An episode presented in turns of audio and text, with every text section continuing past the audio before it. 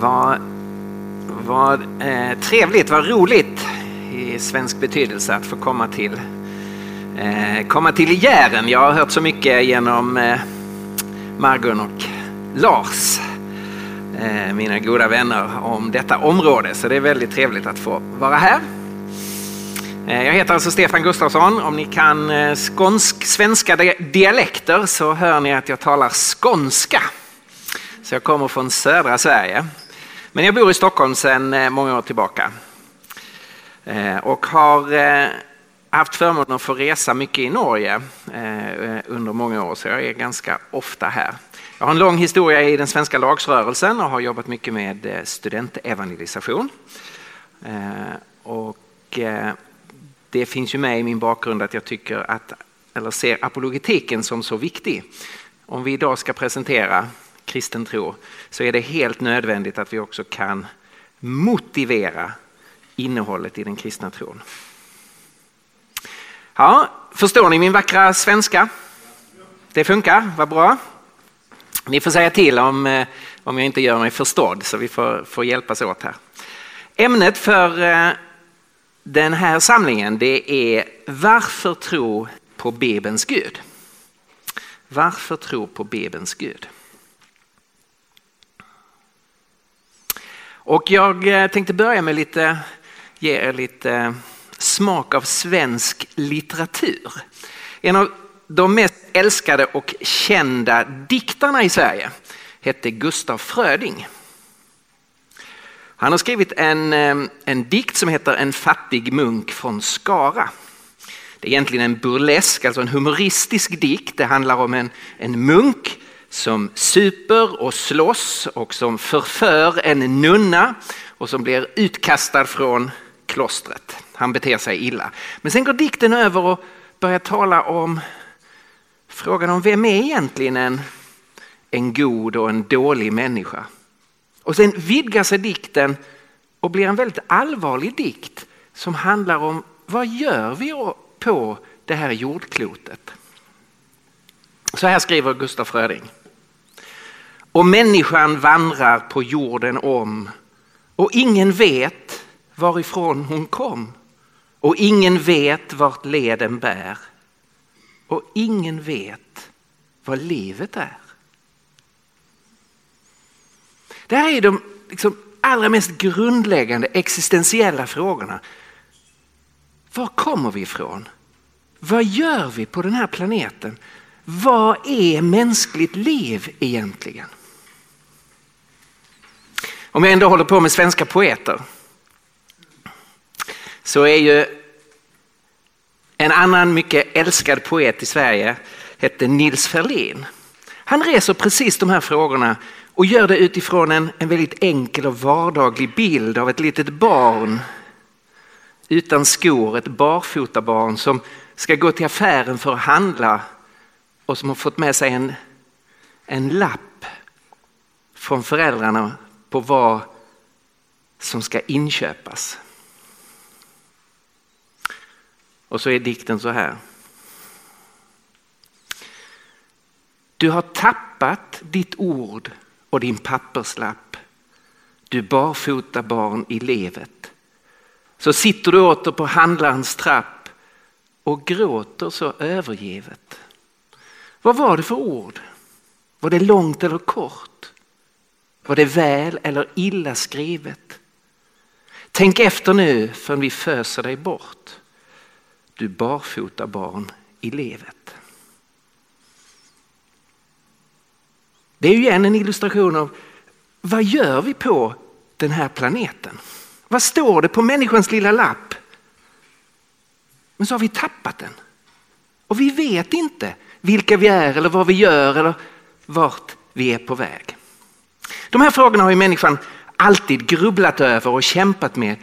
Och så fort man bör, liksom börjar röra vid de frågorna så rör man vid frågan om Gud. Det som vi nu ska tala om. Så fort man börjar ta i de här frågorna, vad gör vi på den här planeten? Så kommer man till frågorna om Gud. Det grekiska ordet för Gud det är teos. Det är det som finns i Nya Testamentet. Överallt där det står Gud står det Teos. Av det så har man gjort en kan säga, filosofisk term, teism. Det betyder Guds tro. Och utifrån den terminologin, teism, så sätter man olika prefix framför, olika, en, eh, en liten förstavelse. Och så får vi de olika alternativen om vad som kan stå på människans lapp. Så du kan sätta prefixet a framför ateism. Det finns ingen Gud. Och därmed så finns det ingen mening med vår existens. Ateism, det är ju då egentligen bara en negativ påstående. Man säger att det finns ingen Gud.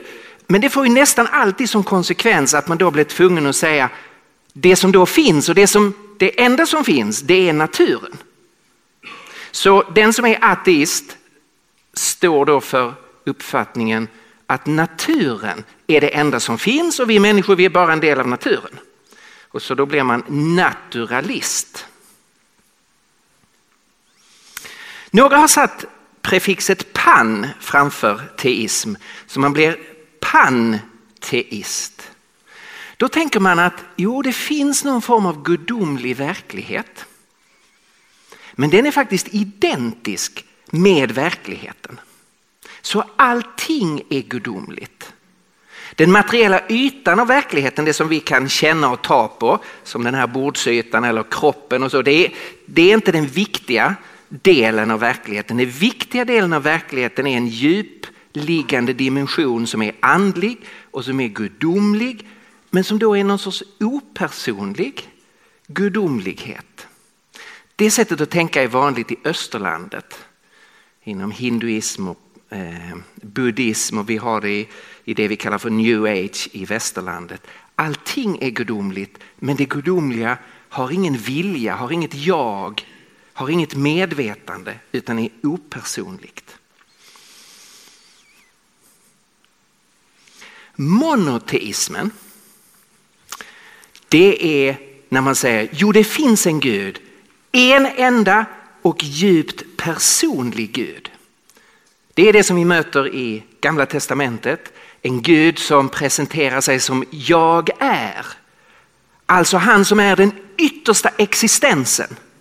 Som är av evighet, som är och har varit och kommer att vara. Och som samtidigt är personlig. Jag är den jag är. Det finns en källa till existens och det är Gud. Han har alltid funnits och sen har han låtit denna världen få existens. Och han har låtit dig och mig få existens så att vi finns. Och i det här perspektivet så står det någonting på vår lapp. Det finns mening med att vara människa. Det finns avsikt, det finns hopp. Därför att någon har velat vår existens. Eftersom jag är existerar så har vår existens mening. Och sen kan man förstås vara polyteist. Poly betyder många och det är ju den tankegång som finns i så många av de gamla religionerna att man tror på många olika och små gudar som man gjorde här uppe i Norden innan kristendomen med Tor och Oden och Freja, de många små gudarna identifierade med olika naturfenomen eller som man gjorde runt medelhavsområdet med Zeus och Hermes och alla de romerska och grekiska gudarna. Politism. många förvisso personliga men små begränsade gudar där ingen har full koll eller kontroll över verkligheten. I den kultur som vi står i idag så kan man säga att det här sista alternativet det är inte så, så aktuellt. Vi träffar nästan aldrig någon som är polyteist. Det är ovanligt. Så vi kan, kan lägga det åt sidan. De flesta på jordklotet idag har kommit fram till att nej, men det är inget alternativ. Det kan inte finnas många olika gudar. Det som frågeställningen står mellan det är de andra tre. Ateism, monoteism och panteism. I vår del av världen så kan man säga att även om panteismen finns så är det heller inte ett riktigt dominerande alternativ utan den riktigt stora fråga, frågan och skiljelinjen i vår kultur idag går ju mellan ateism och då man positivt sett då blir naturalist, naturen är det enda som finns. Eller monoteism, judisk kristen gudstro. Det finns en personlig skapargud. Varför ska man, av de här olika alternativen, om du tar alla fyra eller om du tar de två som, är, som jag menar är huvudalternativen för oss, varför ska man då välja den bibliska bilden av Gud? Den judisk-kristna gudsbilden. Varför vara monoteist och tro på en personlig skapargud? Ja, det, finns, eh, det finns många olika eh, anledningar till det.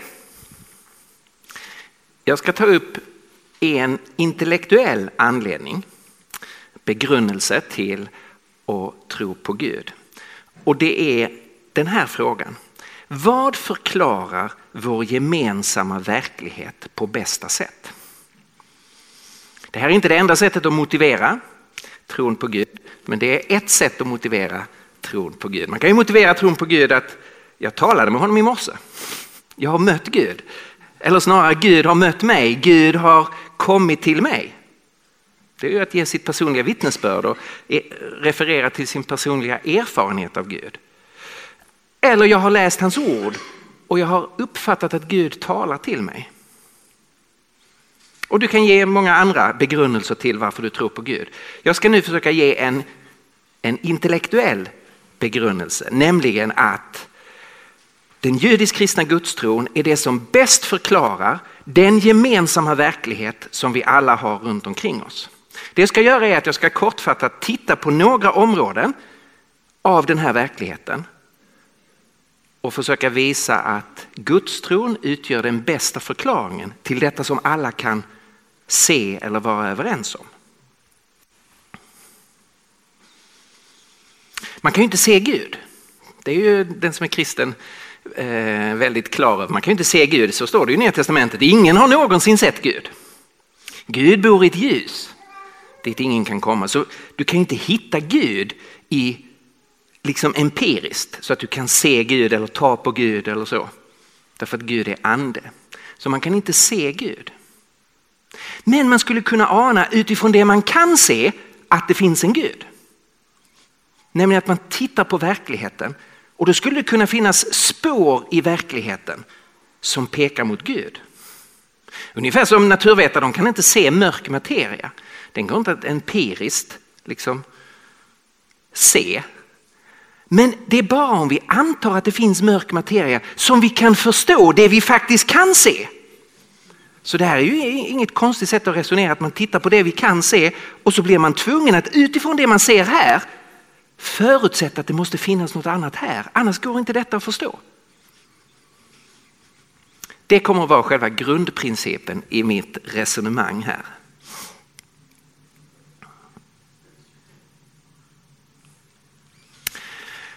En av de saker som har förändrat vår förståelse av världen vi befinner oss i det är det som vi kallar för Big Bang-teorin. Och då tänker jag inte på tv-serien The Big Bang Theory utan på den naturvetenskapliga teorin som man kallar för Big Bang-teorin. Alltså teorin att universum för ett ändligt antal år sedan, 13,8 miljarder år sedan, blev till. Att tiden, rummet, energin och massan blev till ur ingenting i en jättestor explosion. Därav namnet The Big Bang. Det här är en dramatisk förändring av vår förståelse av universum. För hundra år sedan då tänkte man att universum har alltid funnits. Här är en svensk nobelpristagare i kemi, Svante Arrhenius. Han skrev så här. Han talar om universum i sin essens har alltid varit vad det är nu. Och det här var standarduppfattningen hos många vetenskapsmän och många filosofer, universum har alltid existerat. Det är en uppfattning som passar väldigt bra med ateism. Men som skulle väcka mängder med svåra frågor om för den gudstroende. Men för hundra år sedan då sa ateisterna så här. Ni kristna, ni säger Gud har skapat universum. Om vi då frågar vem har skapat Gud? Så säger ni mm, det är ingen som har skapat Gud. Han bara är.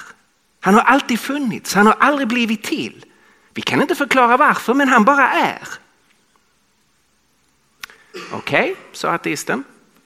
Vi har en mycket enklare teori. Vi tar bort Gud och sen säger vi allt det ni säger om Gud säger vi om universum.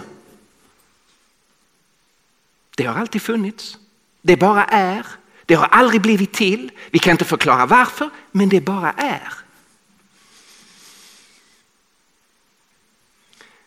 Och det är helt okej. Okay. I grunden måste alla livsåskådningar börja med någonting som alltid har existerat. Men det som har hänt under 1900-talet det är att tanken på ett evigt universum har fallit. Från 1920-talet och framåt så har forskarna gradvis tvingats att inse att universum har blivit till. Det har inte alltid existerat.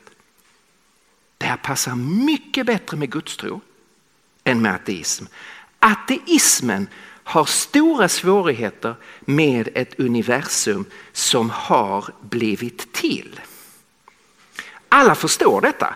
Att om universum blir till då måste det finnas någonting bortom före som orsakar universum. Någonting kan ju inte bli till av sig själv. Ur intet kommer intet. Som universum har blivit till så har vi någonting som pekar mot Gud. Uppenbart så kan universum inte förklara sig själv utan vi behöver söka en förklaring till universums tillblivelse bortom universum. Så, här är en första, första punkt. Jag försöker göra observationer och sen titta på vad alternativen säger, monoteism och ateism i det här fallet. Observationen det är att universum är inte evigt utan har blivit till. Det passar väldigt bra med gudstro, monoteism. Gud skapade universum. Det är så Bibeln börjar. I begynnelsen skapade Gud himmel och jord. Det passar väldigt illa med ateism. För de tvingas säga universum har blivit till ur ingenting. Eller får man ha hypoteser om multiversum och så. Nästa observation som ligger nära har med detta att göra. Det är det som Paul Davis, en, en mycket välkänd eh, engelsk astrofysiker säger. Det finns nu en bred enighet bland fysiker och kosmologer att universum i flera avseenden är finjusterat för liv. Man har identifierat över 50 konstanter i själva den stora smällen som måste vara exakt det de var för att liv senare ska kunna finnas i universum. Gör man den allra minsta lilla förändring så kan, skulle universum inte ha bildats, skulle planeter inte ha bildats, skulle liv inte kunna finnas i universum. Och det här är en sån häpnadsväckande precision som behövs. Så att alla som tittar på det här häpnar. Varför var allting rätt inställt så att det blev ett universum där liv kan finnas? Det finns oändligt många andra alternativ och inget av de andra alternativen kan innehålla liv. Stephen Hawking, 1900-talets mest framstående kosmolog som ju dog ganska nyligen, han säger det märkliga är att värdena hos dessa konstanter tycks vara mycket noga justerade för att möjliggöra utvecklingen av biologiskt liv. Varför var allt rätt inställt?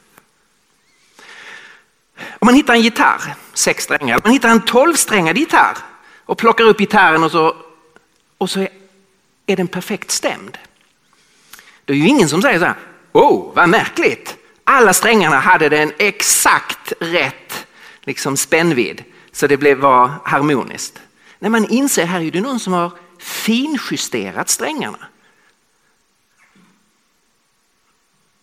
På samma sätt så är finjusteringen av universum någonting som pekar i riktning mot Gud. Christopher Hitchens är en Eh, för ett decennium sedan den, eh, en av de allra skarpaste kritikerna av gudstro. Han erkände att det starkaste argumentet från han, som han såg det för gudstro var just finjusteringsargumentet. Därför att det är så häpnadsväckande siffror hur exakt det måste vara inställt för att detta sortens universum skulle kunna bli till. Så man kan konstatera att universum är finjusterat för liv. Det passar ju väldigt bra med gudstro. Gud är en intelligent designer som ville att liv skulle finnas. Ur ett ateistiskt perspektiv så får man säga att de kosmiska konstanterna råkade vara rätt. Eller får man införa tankegångar på oändligt många parallella universum som ingen har sett och ingen vet någonting om. Där det slumpmässigt till slut måste bli ett universum där allting råkar vara rätt.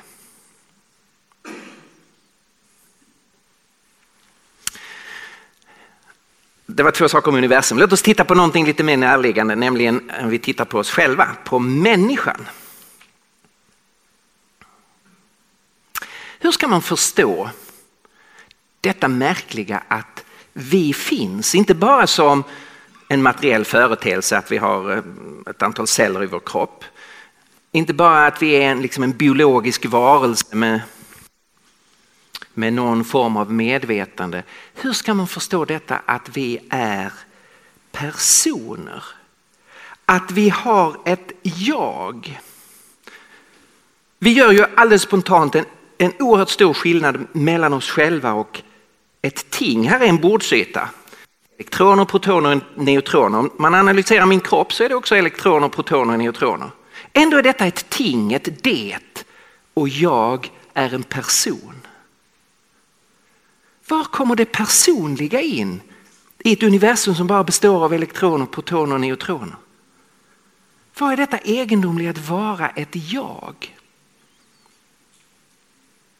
Att vara en person.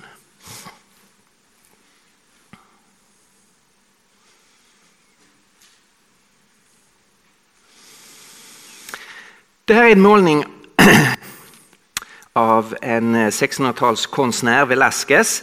Eh, hans målning av påven Innocent X, det räknas som ett av världens mest kända personporträtt.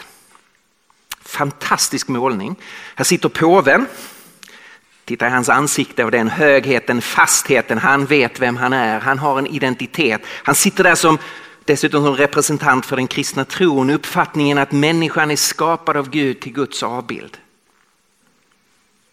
En 1900-talskonstnär som heter Francis Bacon, ateist, trodde inte på Gud, jobbade hela sitt liv med frågan om den mänskliga identiteten. Vem är jag?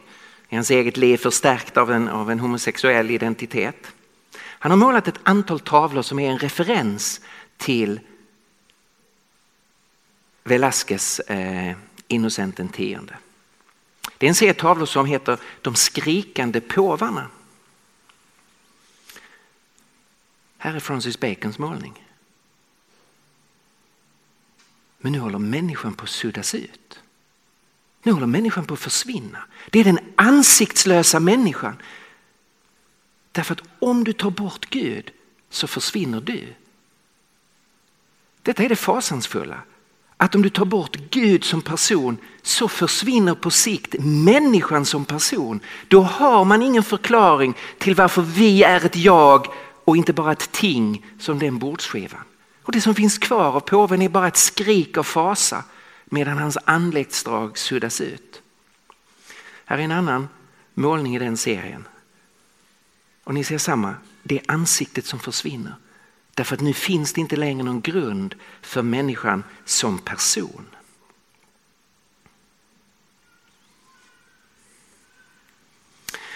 Så, här står vi inför ett väldigt avgörande val. Vi uppfattar oss som en person. Det passar väldigt bra med kristen gudstro. Gud är en person och han har skapat människan till sin avbild, till att vara honom lik. Inte i fysisk mening för Gud har inte kropp och Gud är inte begränsad. Men på egenskapernas område. Gud är en person. Han kan älska och tala, han har vilja och fantasi. Människan är en person. Vi kan älska och tala och välja och skapa. Vi är personer. Detta passar samman. Men om du tar bort Gud så har människan av en tillfällighet uppstått ur det opersonliga, ur energi och materia.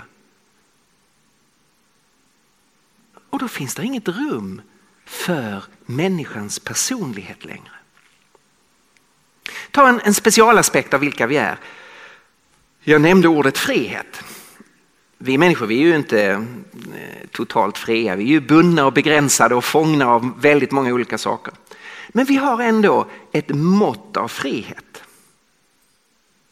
Vi har val och vi har ansvar. Det är en av de mest grundläggande mänskliga erfarenheterna, att man kan välja, att man har ansvar. Att vi anklagar den som gör fel, vi berömmer den som gör gott. Men om Gud inte finns Om människan bara har uppstått ur naturen så vet vi ju idag att naturen innehåller ingen frihet. Naturen är lagbunden. Allting följer bara sitt inneboende system. Så säger Stephen Hawking, det är svårt att föreställa sig hur fri vilja kan fungera om vårt beteende bestäms av fysiska lagar. Så det verkar som om vi inte är mer än biologiska maskiner och att fri vilja är en illusion. Alltså om du tar bort Gud så har du kvar naturen. Men naturen är lagbunden. Om människan är en del av naturen då blir människan lagbunden. Och vi har undergrävt människans värdighet genom att människan nu har blivit en biologisk maskin. Detta motsäger ju hela vår mänskliga erfarenhet. Så vår, vår observation är ju att människan är fri och den friheten tar alla på allvar. Det passar väldigt bra med kristen tro. Gud har skapat människan som en hög varelse med frihet, med ansvar. Och han kallar oss till sig. Men om Gud inte finns, då tar man bort grunden för frihet och kvar blir en biologisk maskin. Eller ta en annan aspekt av människan. Vi har under 1900-talet formulerat orden om människovärde och mänskliga rättigheter. I eh, FNs deklaration om de mänskliga rättigheterna så eh, sägs det alla människor är födda fria och lika i värde och rättigheter. Och i förklaringen till vad det här betyder så säger man eftersom erkännandet av det inneboende värdet hos alla som tillhör människosläktet och av deras lika och obestridliga rättigheter, det är grundvalen för frihet, rättvisa och fred. Så alla människor har ett värde. Det värdet är inneboende i oss så oberoende av vem man är, så länge man tillhör människosläktet så har man denna värdighet. Den här tankegången den har sina rötter i den kristna tron. Människan skapat i Guds avbild. Sen har den formulerats i FNs deklaration om de mänskliga rättigheterna. Men om du tar bort Gud, vilken grund har du då för människovärde? Ja, det undergrävs fullständigt. När jag har pressat Christer Sturmark, ordförande under många år i humanetisk förbund i Sverige på den här frågan, människovärdet om Gud inte finns. Så säger han, ja, det är en flytande gräns mellan djur och människa. Det är det första. Så det går inte att dra någon specifik gräns. Så. Och sen det andra är, ja människovärdet det måste man se som en överenskommelse. Vi har kommit överens om att betrakta varandra som värdefulla. Men notera, det är inte vad FNs deklaration om de mänskliga rättigheterna säger, att det är en överenskommelse. Nej, de säger att värdet är inneboende i människan, så det påverkas inte av att du säger att jag är värdelös. Om ni skulle göra en ny överenskommelse att alla är värdefulla utom de från Sverige. Nej, det ett inneboende värde och obestridliga, alltså du kan inte, du kan inte ta bort dem, rättigheter. Fredrik Nietzsche kristendomens, en av de, kristendomens främsta kritiker, han såg den här kopplingen. Han insåg att människovärdet bygger på gudstron. Han säger så här, ett annat kristet koncept, inte mindre galet, alltså han gillar ju inte kristendomen, han ser ju ner på kristendomen. Och... Så ett annat kristet koncept, inte mindre galet, har trängt ännu djupare in i modernitetens vävnad. Alltså i den moderna tiden här. Nämligen begreppet själarnas jämlikhet inför Gud. Detta koncept utgör prototypen för alla teorier om lika rättigheter. Alltså det är själarnas jämlikhet inför Gud som är grunden för rättigheter och för lika behandling och lika värde. Nu tror inte Nietzsche på det så han vill ju ha bort det därför att han tror på övermänniskan och vill ju förkasta de svaga. Och det är faktiskt den logiska följden om du tar bort Gud. Jürgen Habermas är en av de ledande, kanske den ledande intellektuelle i Tyskland. Han är ateist, han är politiskt eh, på vänsterkanten. Men han ser det här väldigt tydligt och har också formulerat det. Hur människovärde och demokrati bygger på den judisk-kristna tron. Universell jämlikhet, ur vilken vi fått idéerna om frihet och social solidaritet, om liv i självbestämmande och frigörelse, om den enskildes moraliska samvete, om mänskliga rättigheter och demokrati är ett direkt arv från den judiska etiken av rättvisa och den kristna etiken av kärlek. Ännu idag finns det inget alternativ. Så äh, mänskliga rättigheter och demokrati är ett direkt arv från den judisk-kristna övertygelsen. Och det finns inget alternativ. Så, i mitt land så tror folk inte på Gud, men alla tror på människovärde och mänskliga rättigheter. Det är det som alla pratar om. Och så ser man inte att de här två sakerna hänger ihop. Om du tar bort Gud så sänker du människovärdet och mänskliga rättigheter. Det är först om du har Gud som du kan ta detta som vi är överens om. Att människan är värdefull. Det är först då du kan ta det på allvar.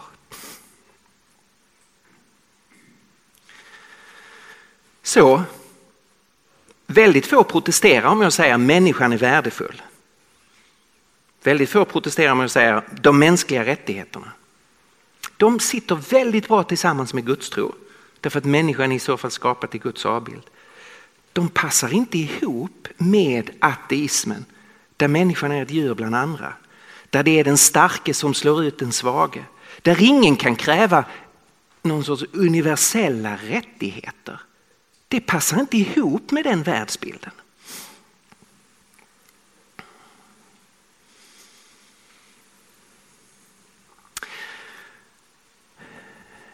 Ett sista, eh, ett sista område. Frågan om gott och ont. Och det, det jag gör nu är att jag tittar på den mänskliga existensen, människan som person, människans frihet, människans värde. Och nu är det en, jätte, en väldigt grundläggande del i vår människa. Vi, vi skiljer på gott och ont. Vi är moraliska varelser. Det betyder inte att vi alltid gör rätt. Men det betyder ju att när vi gör fel så skäms vi för det. När vi gör fel så kan vi bli anklagade för det. Vi förstår vad moral är. Och det finns ingen, ingen människa, ingen kultur som kan ignorera frågan om gott och ont, rätt och fel. Det är en grundaspekt av mänskligt liv. Paul Kurtz var länge ledare för den internationella humaniströrelsen. Så säg nej till Gud.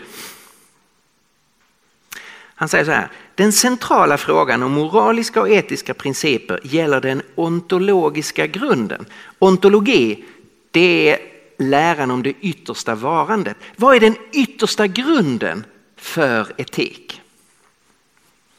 Om de inte härrör från Gud, om Gud inte är den yttersta grunden, om de inte härrör från Gud eller är förankrade i något transcendent, något utanför oss, är de då rent tillfälliga?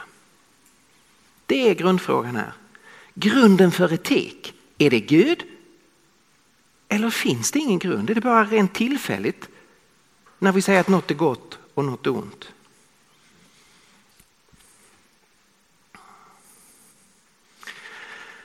Richard Dawkins, världens idag kanske mest kända ateist. Han har på många ställen eh, gett uttryck för att det finns ingen ontologisk grund för moral. Det finns ytterst sett inte rätt och fel. Vi lever i en värld som inte bryr sig om gott och ont. Därför att det som ytterst utgör vår värld är naturen. Och i naturen, liksom om du analyserar fysik, kemi, biologi, där finns inte gott och ont. Där, där har du bara materiell existens, det som är det är. I en intervju så pressades Richard Dawkins på den här frågan. Dawkins är ju då ateist, han har väldigt stark betoning på en ateistisk evolution, alltså en, en, en eh, utveckling av det biologiska livet som då inte är planerad och styrd av Gud och så. Och det innebär ju att med tillfälligheter så har biologiskt liv utvecklats och uppstått på planeten. Nu pressar en, eh, en journalist Dawkins på frågan, ja men vad betyder det då för moral? Då har ju moralen också utvecklats evolutionärt. Och journalisten ställer den här frågan. Okej, okay men i slutändan är din tro att våldtäkt är fel. Det är lika godtyckligt som det faktum att vi har utvecklat fem fingrar snarare än sex. Alltså, olika biologiska varelser har ju olika många fingrar. Du kan ha liksom tre klor eller du kan ha fyra fingrar eller fem som vi har. Du skulle kunna, vi skulle kunna haft sex fingrar. Det är, ju bara en ren tillfällighet. Varför har vi fem istället för fyra eller sex? Ja, det är biologiskt slumpartat. Okej, okay? så Dawkins tittar på människans hand och ja, vi skulle kunna ha fyra eller fem eller sex fingrar. Sen har vi människor då etiska övertygelser, moraliska övertygelser. En sån som de flesta är överens om är våldtäkt är fel. Och nu är frågan, är det lika tillfälligt som att vi har fem fingrar istället för sex? Är det lika tillfälligt att vi tycker att våldtäkt är fel? Skulle vi lika bra kunna tycka att det är rätt? Ni fattar frågan? Okej, okay. det här är ju jätteintressant. Vad ska Dawkins säga? Vad svarar Richard Dawkins på den här frågan?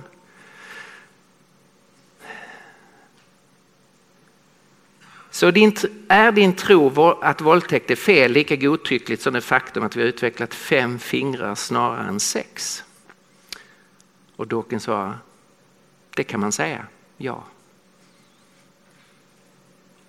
Ja, vad ska han säga? Det går inte att svara på ett annat sätt om det inte finns en Gud. Det är en ren tillfällighet att vi har de övertygelser som vi har.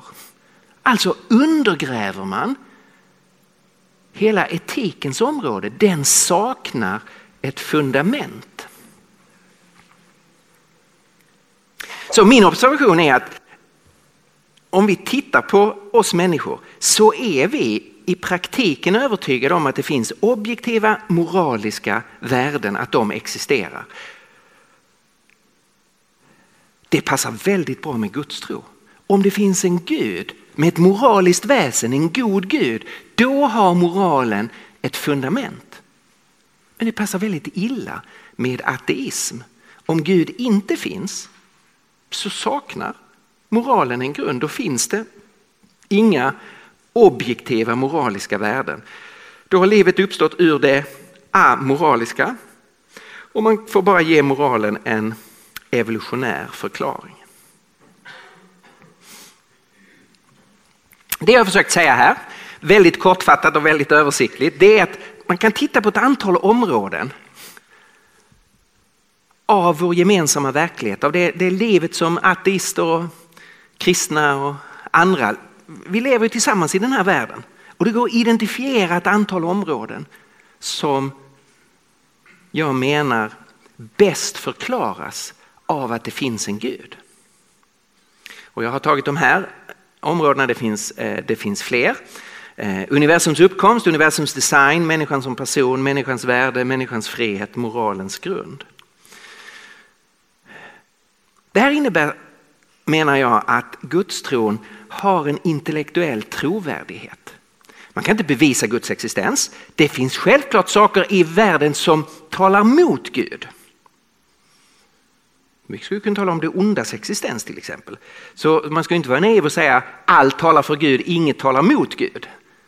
Det är inte hederligt. Det är klart att det också finns saker som man skulle säga, ja det här ser ut som att peka i andra riktningen.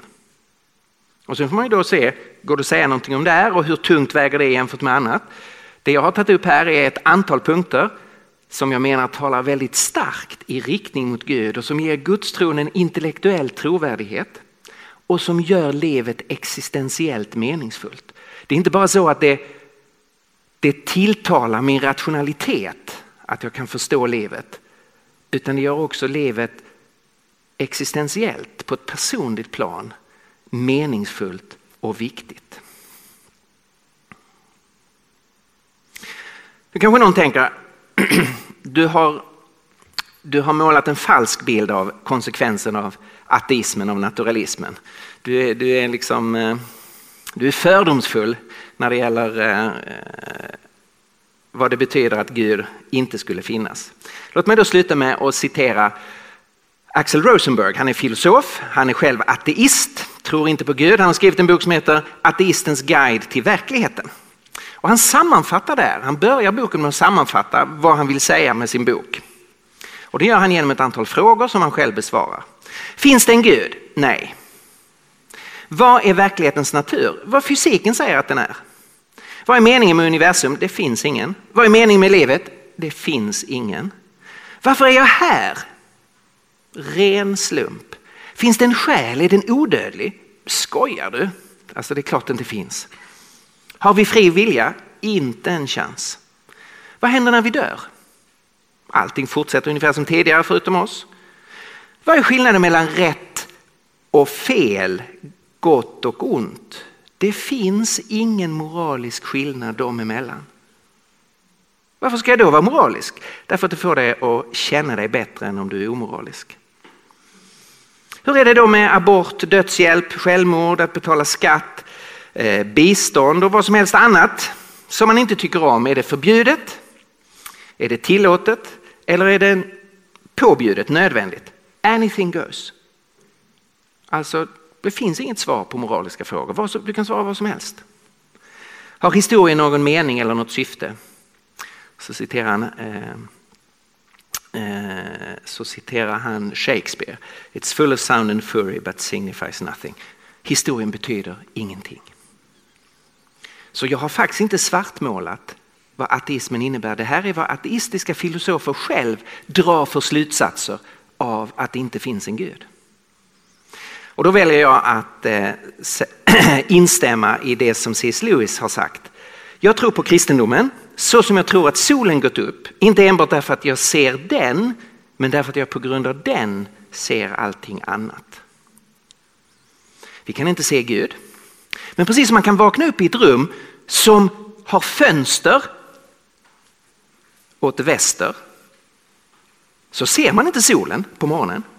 Men man kan ändå dra slutsatsen att solen har gått upp trots att man inte ser solen. Därför att på grund av solen kan man nu se allting annat som den belyser. Och det har hela tiden varit mitt argument här, vi kan inte se Gud. Men på grund eller utifrån Gud så kan vi förstå och se världen eh, och få en förklaring till den. Okej, okay, det var presentation i racerfart av eh, några av de tankegångar som pekar i riktning mot Gud. Om du vill läsa mer kring det här så är det framförallt i, i eh, den här boken Kristen med god grund där jag har ganska mycket av den här sortens eh, resonemang. Och om du vill ha en mer, en, en mer fördjupning kring den bibliska bakgrunden till varför vi som kristna Eh, faktiskt bör resonera på det, på det sättet så, ska det, så finner du det i den här boken Tränger tron försvaras. Så vill du ha mer material kring det här sättet att, att tänka så är det med Kristen med god grund och Tränger tron försvaras som finns på bokbordet. Jag tror att vi har två minuter kvar så det finns kanske tid för en fråga eller två. Invändning eller kommentar eller fråga om det är någon som vill eh, ta upp någonting.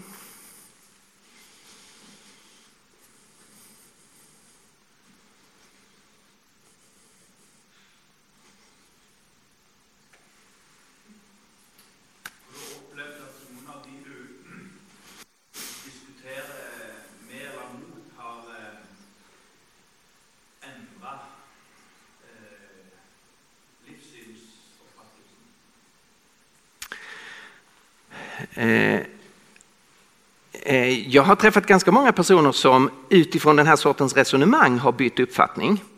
Eh, om du tänker på de som jag har debatterat offentligt med så, så är det väl ingen av dem som har gått från ateism till, till kristen tro. Däremot så har flera av dem ändrat uppfattning i konkreta sakfrågor.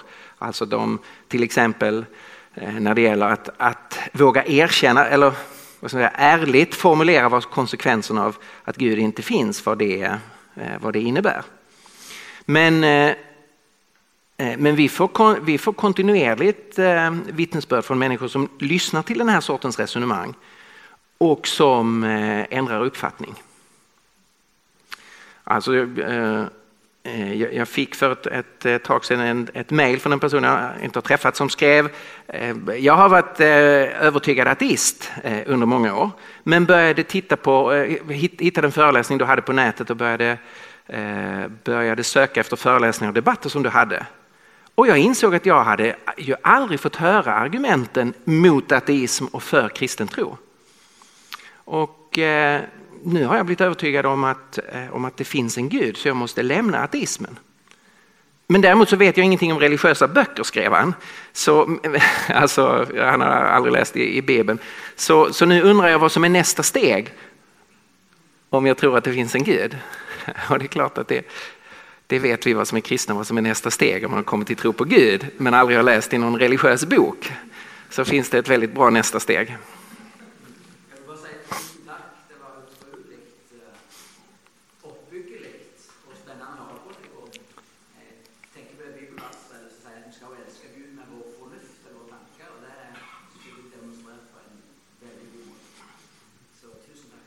Tack ska du ha. Eh, och det är verkligen det är ju det som Jesus säger är det viktigaste budet, att vi ska älska Gud med hela vår varelse, med hjärta, själ, kraft och förstånd, med allt vi är. Eh, och då inkluderar det förstås eh, tänkandet, förståelsen. Och vi måste som kristna lära oss att liksom utveckla den sidan som Gud, som Gud har gett oss. Där har vi ett jättestort uppdrag, inte minst när vi lever i en, en tid som vi talar om att vår kultur är ett informationssamhälle där påstående, argument och resonemang finns runt omkring oss hela tiden. Många resonemang är ju ganska svaga och dåliga och, och så men, men människor resonerar ju hela tiden runt omkring oss. Och då måste vi ta det på, på extra stort allvar, att Gud har satt oss i en sån kultur och då måste vi lära oss att resonera kring eh, det som är den tron som Gud har gett till oss. Okej, okay, då tror jag att vår, vår tid har gått. Så titta på bokbordet. Okej. Okay.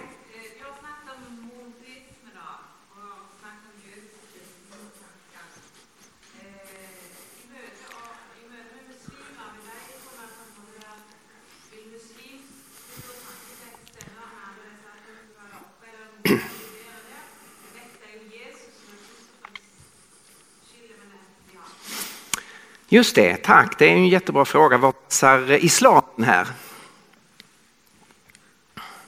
Och då, eh, då är det viktigt eh, här att vi ska inte vara rädda för att säga att på ett antal områden så delar ju muslimer vår tro. De är ju monoteister. De tror på en enda gud. Varifrån har de den tron? Från gamla och nya testamentet. Islam växer ju fram på 600-talet efter Kristus. Eh, Muhammed lever ju i en polyteistisk kultur där man dyrkar många gudar. I en hemstad så dyrkar man framförallt tre gudinnor. Och Muhammed kommer till tro på det som judar och kristna förkunnar. Det finns bara en enda gud. So far so good. Så att säga. Muhammed tar ju rätt steg bort från polyteismen till monoteismen, det finns en enda gud. Och därför så tror muslimer på en enda gud som är en personlig gud som har skapat världen och som ska döma världen. Därför att det har man tagit från gamla nya testamentet. Men sen är det ju en, eh, en, egen, eh, en egen gudstro som då för det första skiljer sig i den bild man tecknar av den enda guden. Framförallt då att man förnekar treenigheten, att Gud i sig själv är mångfald, att Gud är fader, son och ande. Eh, och man har ett mycket mer abstrakt gudsbegrepp där det personliga hos Gud börjar suddas ut. I Bibeln så är Gud kärlek.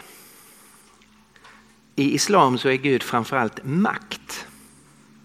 Och makt är ett mycket mindre personligt begrepp än kärlek och helighet och godhet. Så det personliga hos Allah tonar bort genom att man har tagit bort treenigheten. Och därmed så är också relations, alltså det är mycket mindre relation mellan Gud och människa i islam än i kristen tro. Därför att Allah, du kan inte relatera till Allah på det sättet som Gud i Bibeln inbjuder oss att relatera till honom. Och sen är ju den stora skillnaden, nästa stora skillnad, det är ju synen på Jesus. Att i islam så eh, är Jesus en profet, men är bara människa. Kristen tro så är det själva eh, grunden ju att eh, Jesus är sann Gud och sann människa. Och sen av det följer sen också försoningen och uppståndelsen och så. Men om du sätter upp det så här bara på ett antal grupper som jag har gjort här så tillhör ju islam den monoteistiska gruppen. Där man har tagit den grundbilden från gamla nya testamentet. Sen har man gjort de här förändringarna och så blir det en, en separat religion.